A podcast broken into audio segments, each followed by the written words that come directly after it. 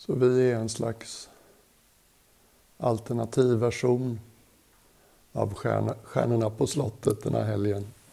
Skulle man försöka göra en dramatisk dokusåpa av vår helg här tillsammans så är det svårt att hitta så mycket drama.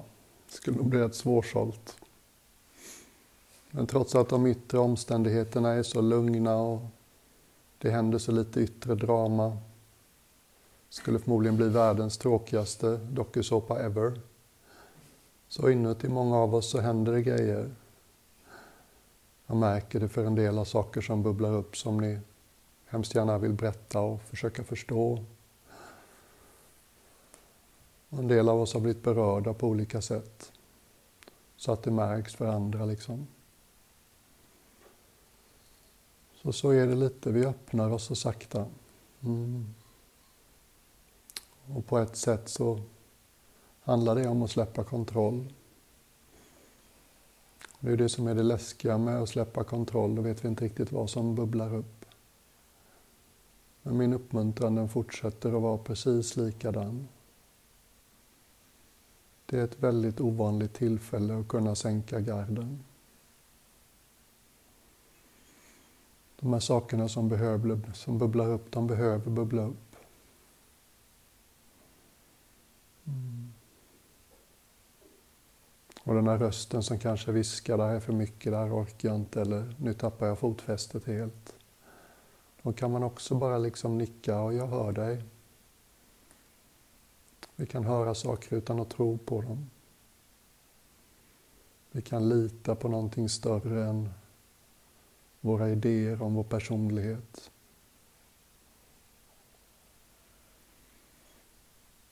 Så mitt intryck är att många av oss liksom känner igen sig i och tycker om det här öppnare sättet att meditera. Det känns fint att fortsätta med det. Och du som har känt dig lite vilsen i det, bara låt liksom andetaget vara ditt ankare.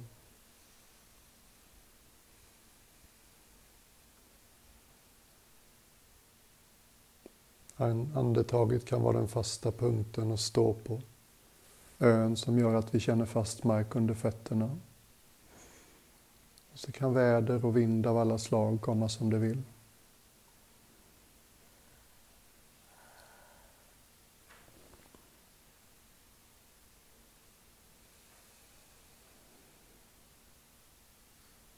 Men jag gissar att jag och många med mig väljer att till och med släppa andetaget som fokus.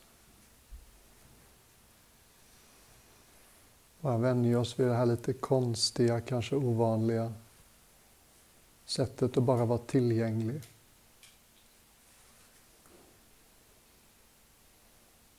Det är liksom om du kunde tala och jag får leka så säger det här tillståndet ungefär Hej livet, här är jag, alldeles tillgänglig.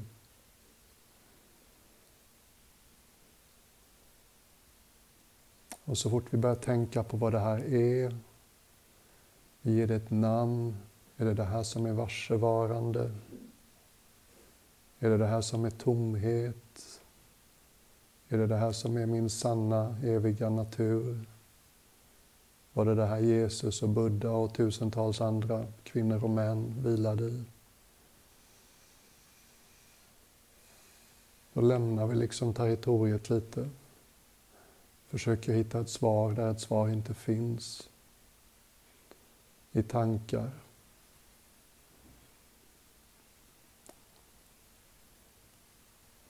Det här öppna, det är tankarnas källa.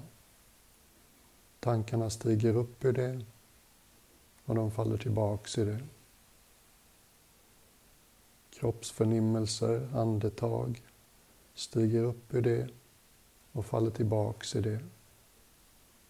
Det finns där under varje andetag också. Det finns det under varje tanke också. Ingenting händer utanför det här. Bara för att det här är så tyst så innebär det inte att det är obetydligt. Tvärtom.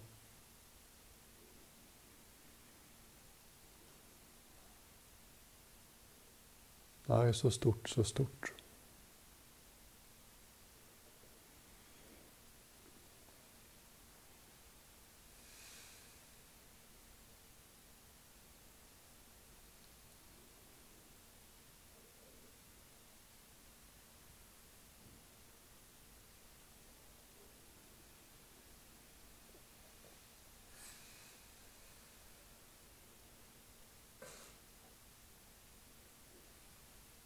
Någon del av dig kan säkert börja få din egen känsla för varför går vissa igång på sådana där uttryck som surrender, överlämna sig till något större,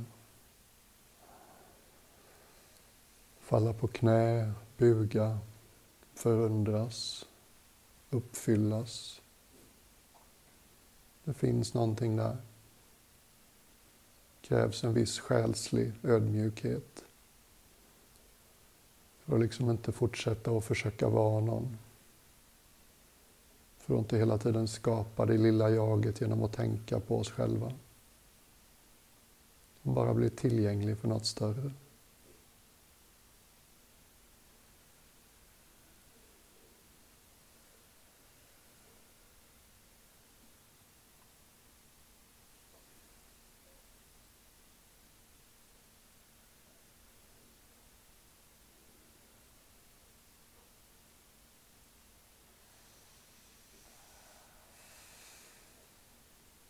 Och en del av oss känner det här mer som någonting i kroppen kanske.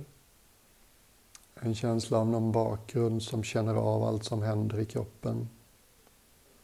Den stilla bakgrunden mot vilken alla små pulser och ilningar och spända och avslappnade ställen. Alla de små signalerna i kroppen. Allt det där sker mot en stilla bakgrund. Kanske inte du så mycket en person som orienterar sig kring kroppen. Kanske är du mer en hörande, lyssnande person. Då lägger du säkert märke till att alla ljud stiger upp i det här stora, tysta. Håller på en liten stund och sen faller de tillbaks i det tysta. Den stora tystnaden finns där innan orden, efter orden, alla andra ljuden, men också bakom ljuden.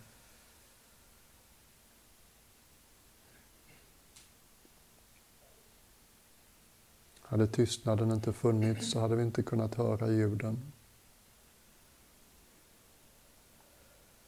Tystnaden gör att ljuden träder fram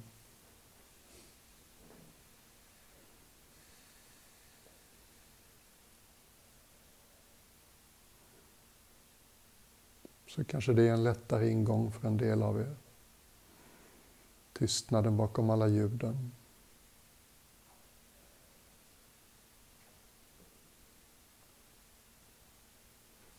Det finns en fin historia någonstans i Gamla Testamentet när profeten Jeremia gör som man gjorde på den tiden, i den delen av världen. Han behövde hitta jämvikt och frid och till och med Gud, så gick man ut i öknen och var för sig själv ett tag.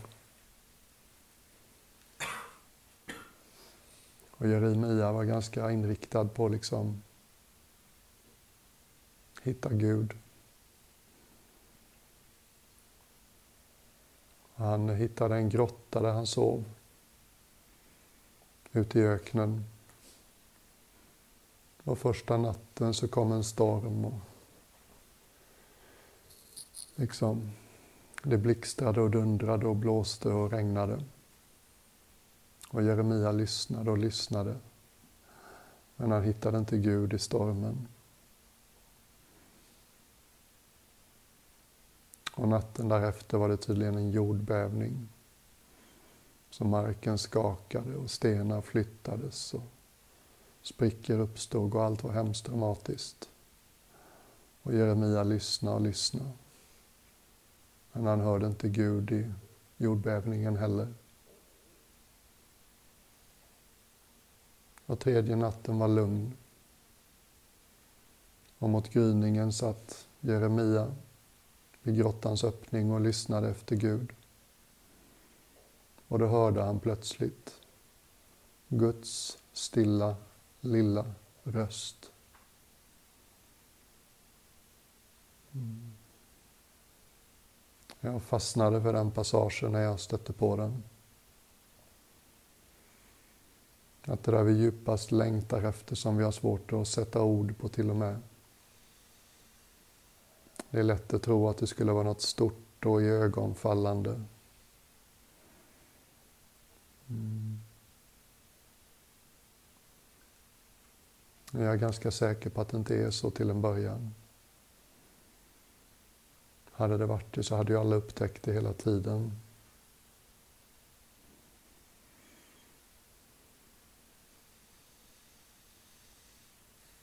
Det handlar lite om att lyssna på ett ovanligt vis.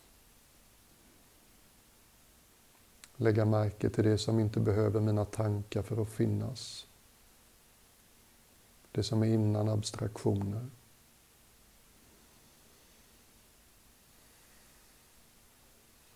Det som enligt många av de stora andliga förebilderna fanns där innan vi föddes och fortsätter när kroppen dör.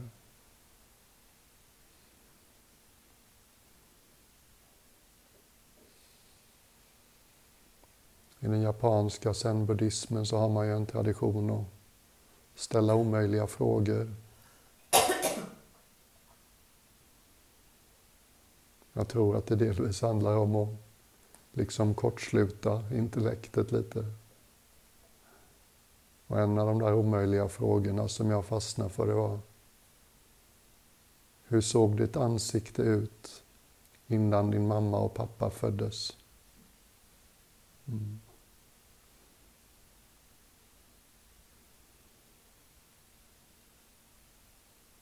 Och för intellektet är det ju nonsens. Mm. Men man kan använda omöjliga frågor till att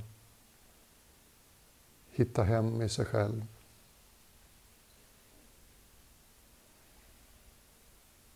Vilken del av dig och mig kan du tänka dig fanns innan vi föddes? Vilken del av dig och mig är exakt likadan i dig och mig?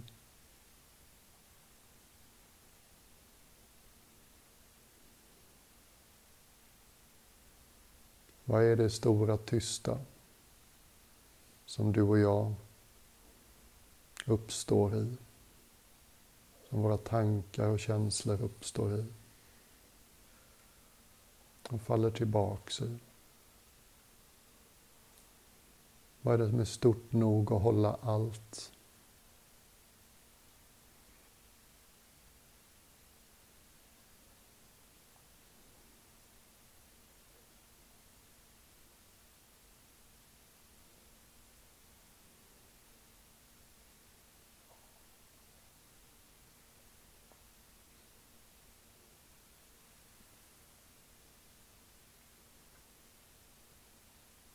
Kanske känns varken tystnad eller kroppen relevant för dig som väg in till det här. En del av oss känner lättare igen sig i en aktivitet. Tänk om någon skulle säga till dig nu, du är inte då skulle du omedelbart veta att de har fel. Exakt vad eller vem vi är, det kan vara svårt, men att vi är, det står utom allt tvivel. Bara liksom luta dig tillbaks. Leta dig bakåt eller sjunk ner. Är det i dig som gör att du vet att du är? Försök inte förstå det eller se det framför dig eller så, utan mer bara lita på det. Luta dig tillbaks i det. Känslan av jag är, kanske, vad vet jag. Det finns en kontinuitet i dig och mig. Den är där hela tiden. Allt annat kommer och går.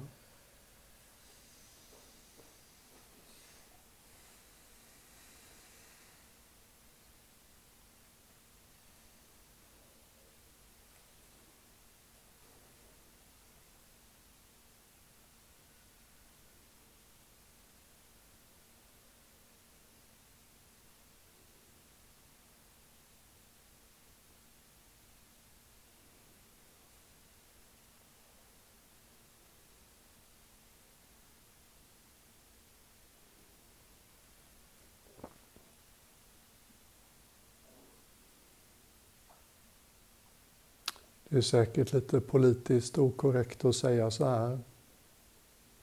Men känslan jag kan få ibland när jag kommer tillbaks till det här. Det är lite som att jag har levt allt för mycket av mitt liv i en liten hundkoja. Utan att veta att det fanns ett magnifik herrgård i trippel Frötuna-storlek med vackra, stora, luftiga rum. Mm.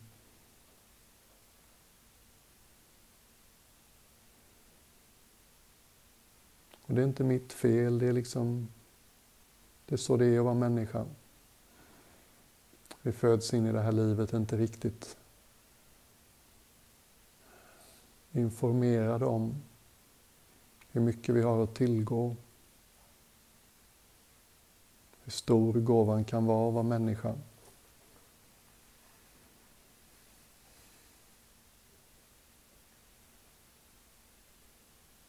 Buddha kunde vara ganska rolig ibland, eller det tyckte jag i alla fall. Han kunde liksom påpeka att att födas till djur är mindre lyckosamt än att födas till människa. Djuren är rätt upptagna med mat och revir och fortplantning. Inte mycket tid över till annat. Reflektiva kapaciteten är ofta begränsad. Så de har inte så mycket motivation att upptäcka det de inte upptäckt än. I andra extremen har vi änglarna. I den buddhistiska versionen så är änglalivet väldigt långt hundratusentals år, miljontals år. Kropparna är gjorda av ljus. I princip mår man aldrig dåligt, aldrig sjuk. Tänker inte så mycket, fokuserar mer på njutning och som sköna känslor. Och sen kanske de sista dagarna efter ett par miljoner långt liv så känner man sig en smula, en smula kymig. Och sen pop så dör man. Och änglarna sägs vara begåvade med kort minne. Så ganska snart efteråt så är det ingen som riktigt minns den där som hade gått bort. Och det livet är så behagligt och så långt och så oplågsamt. Så änglarna har inte heller så mycket motivation att se sig om efter en mer varaktig sanning. Människolivet är lagom långt. Vi har tid att lära oss nytt. De flesta av oss är ändå medvetna om att det kommer ta slut ändå. Och vi har en god reflektiv kapacitet.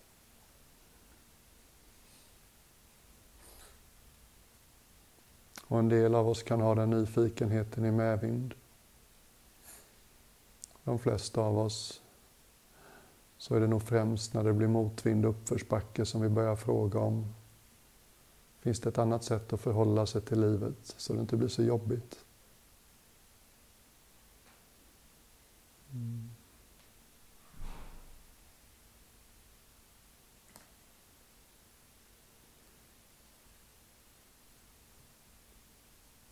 den här helgen är och har varit.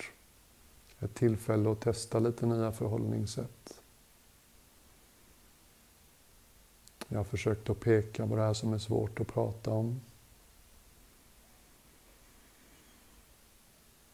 Mm. Och där finns definitivt något.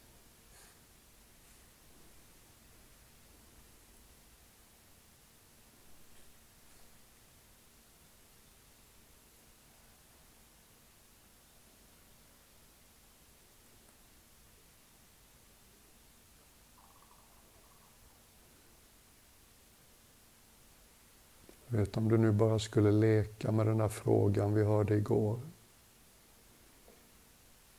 Tyska prästen från 1300-talet som föreslog församlingsmedlemmen att han skulle förstå vem som tittar ut genom hans egna ögon. Om du inte resonerar kring frågan nu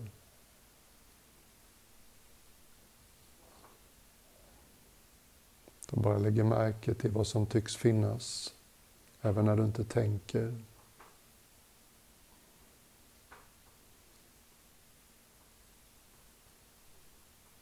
Det tysta, vakna, levande, lågmälda som finns i oss, omkring oss hela tiden.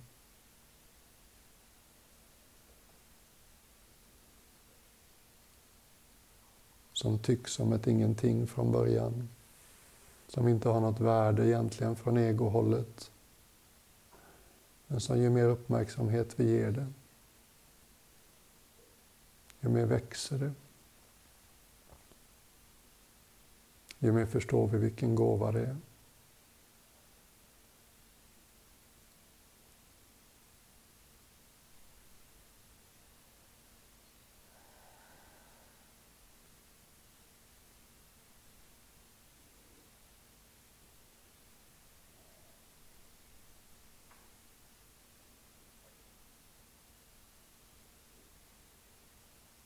Och sitter du fortfarande och känner att det knyter sig för dig, att du inte alls fattar vad jag pratar om, så ta det lugnt. Chansen är stor att du försöker lite för mycket.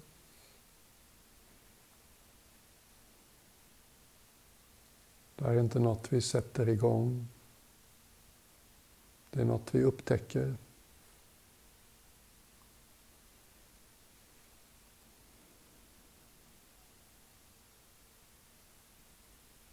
Det här är inte något vi kan göra till objekt, till ett objekt i vårt medvetande. Vi kan liksom inte få syn på det på det sättet. Det går inte att liksom få klart för sig att det är så stort och ser ut så här. Det är alltings bakgrund. Det är lite som att försöka förklara för fiskar vad vatten är. Jag tror det skulle vara jättesvårt att förklara för en fisk vad vatten är. Det här har vi simmat i hela livet. Det här kom du in i det här livet med, i. Där har vi tagit varje andetag i. Det här har aldrig lämnat vår sida.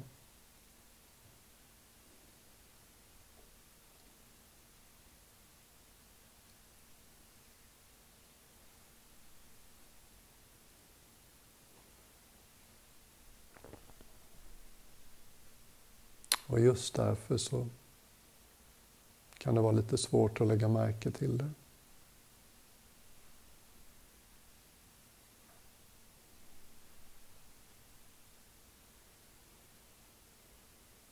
Men när du får lite känsla för det, så en av sakerna du märker är att det behöver inte längre hända något. Rastlösheten börjar släppa taget om oss.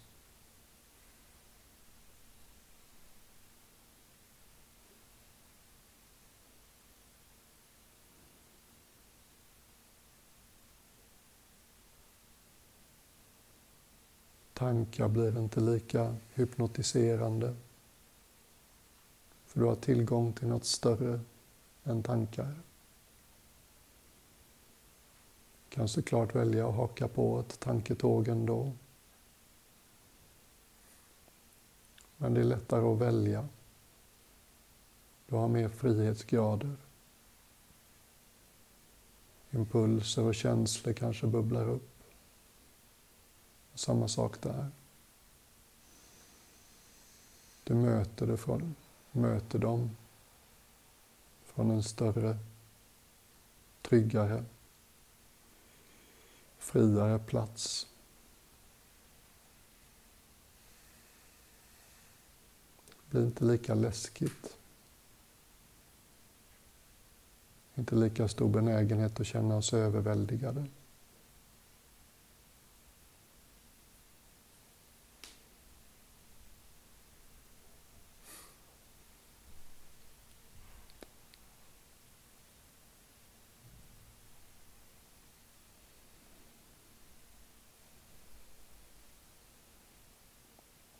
Och för de av oss som har ett öppnare hjärta så kan det också bubbla upp en massa ömsinthet, förundran, en kärlek som inte tycks så noga med vart den riktar sig. Det är bara som en varmhjärtad och generös grundton mot allt som kommer igenom oss. Hur skönt är inte det?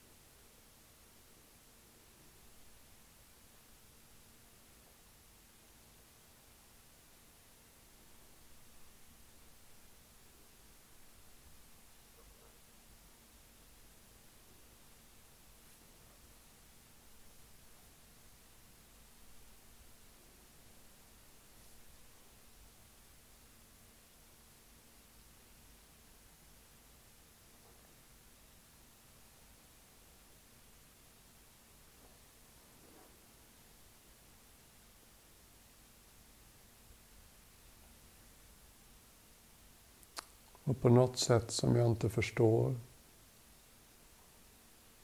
så är det inte bara en gåva till oss själva vi täcker av och knyter an till här. Utan att vi gör det också en gåva till människorna omkring oss.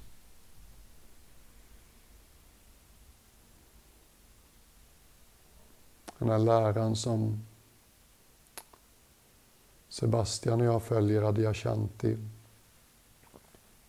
Jag var på en retreat med honom i Amerika. Hon berättade om sin lärarinna.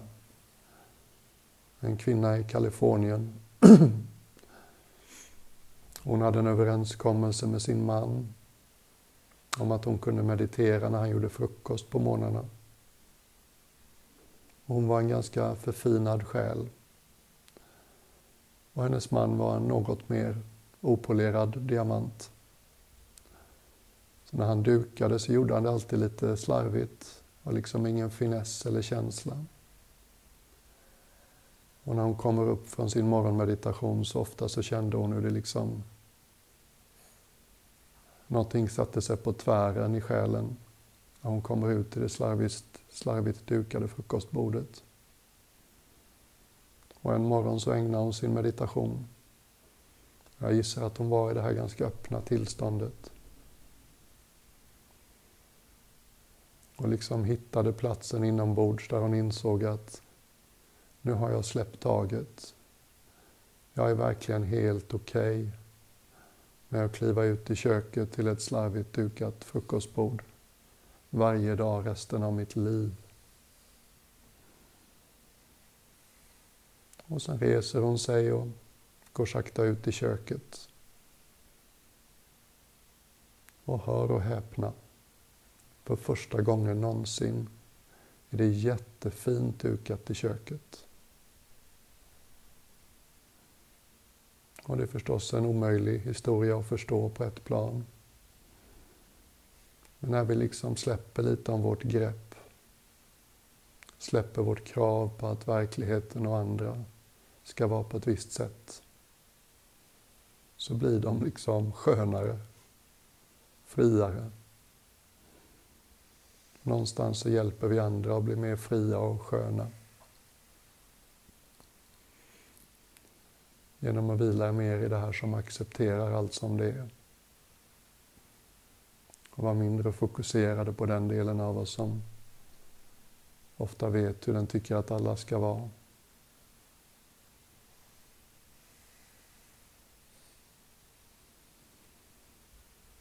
Och mest av allt förstås oss själva.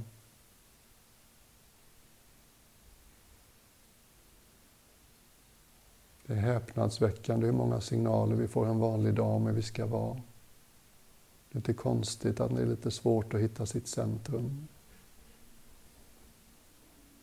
Det är inte konstigt att vi inte längre förstår vad det betyder när någon säger var bara dig själv. Det är inte konstigt att vi känner oss lite inadekvata emellanåt med alla de här polerade bilderna av framgång och skönhet och rikedom och äventyr och familjelycka och kroppslig hälsa. En evig parad liksom av ouppnåeliga ideal.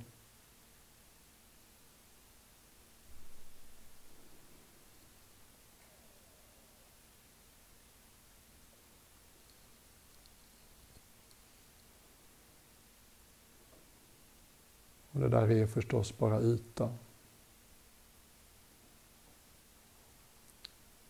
En nära vän till mig gick hos psykoterapeut ett tag. Och efter några månaders veckor, veckobesök så sa terapeuten till min kompis. Du verkar tro att det finns människor där ute som inte har några problem. För vilka allting alltid faller på plats. Och så jämför du dig med dem. Förstår du hur omöjligt det är? Och det är lätt hänt att göra det.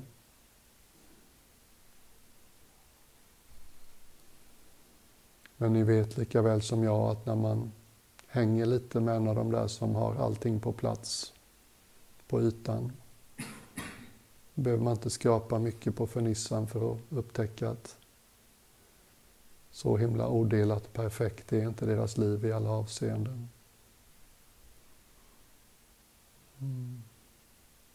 Ingen människa får ett alldeles lätt liv.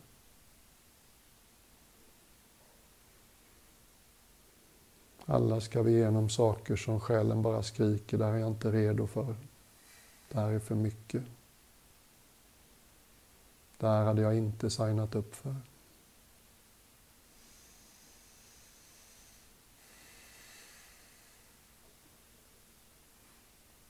Och det är inte sällan ett av de tillfällena när vi upp, börjar upptäcka det här. Något som är stort nog att hålla allt. Något som man inte kan liksom ta i besittning eller säga det här är mitt. Det är det som är större än oss. Men vi kan lära oss att lita på det.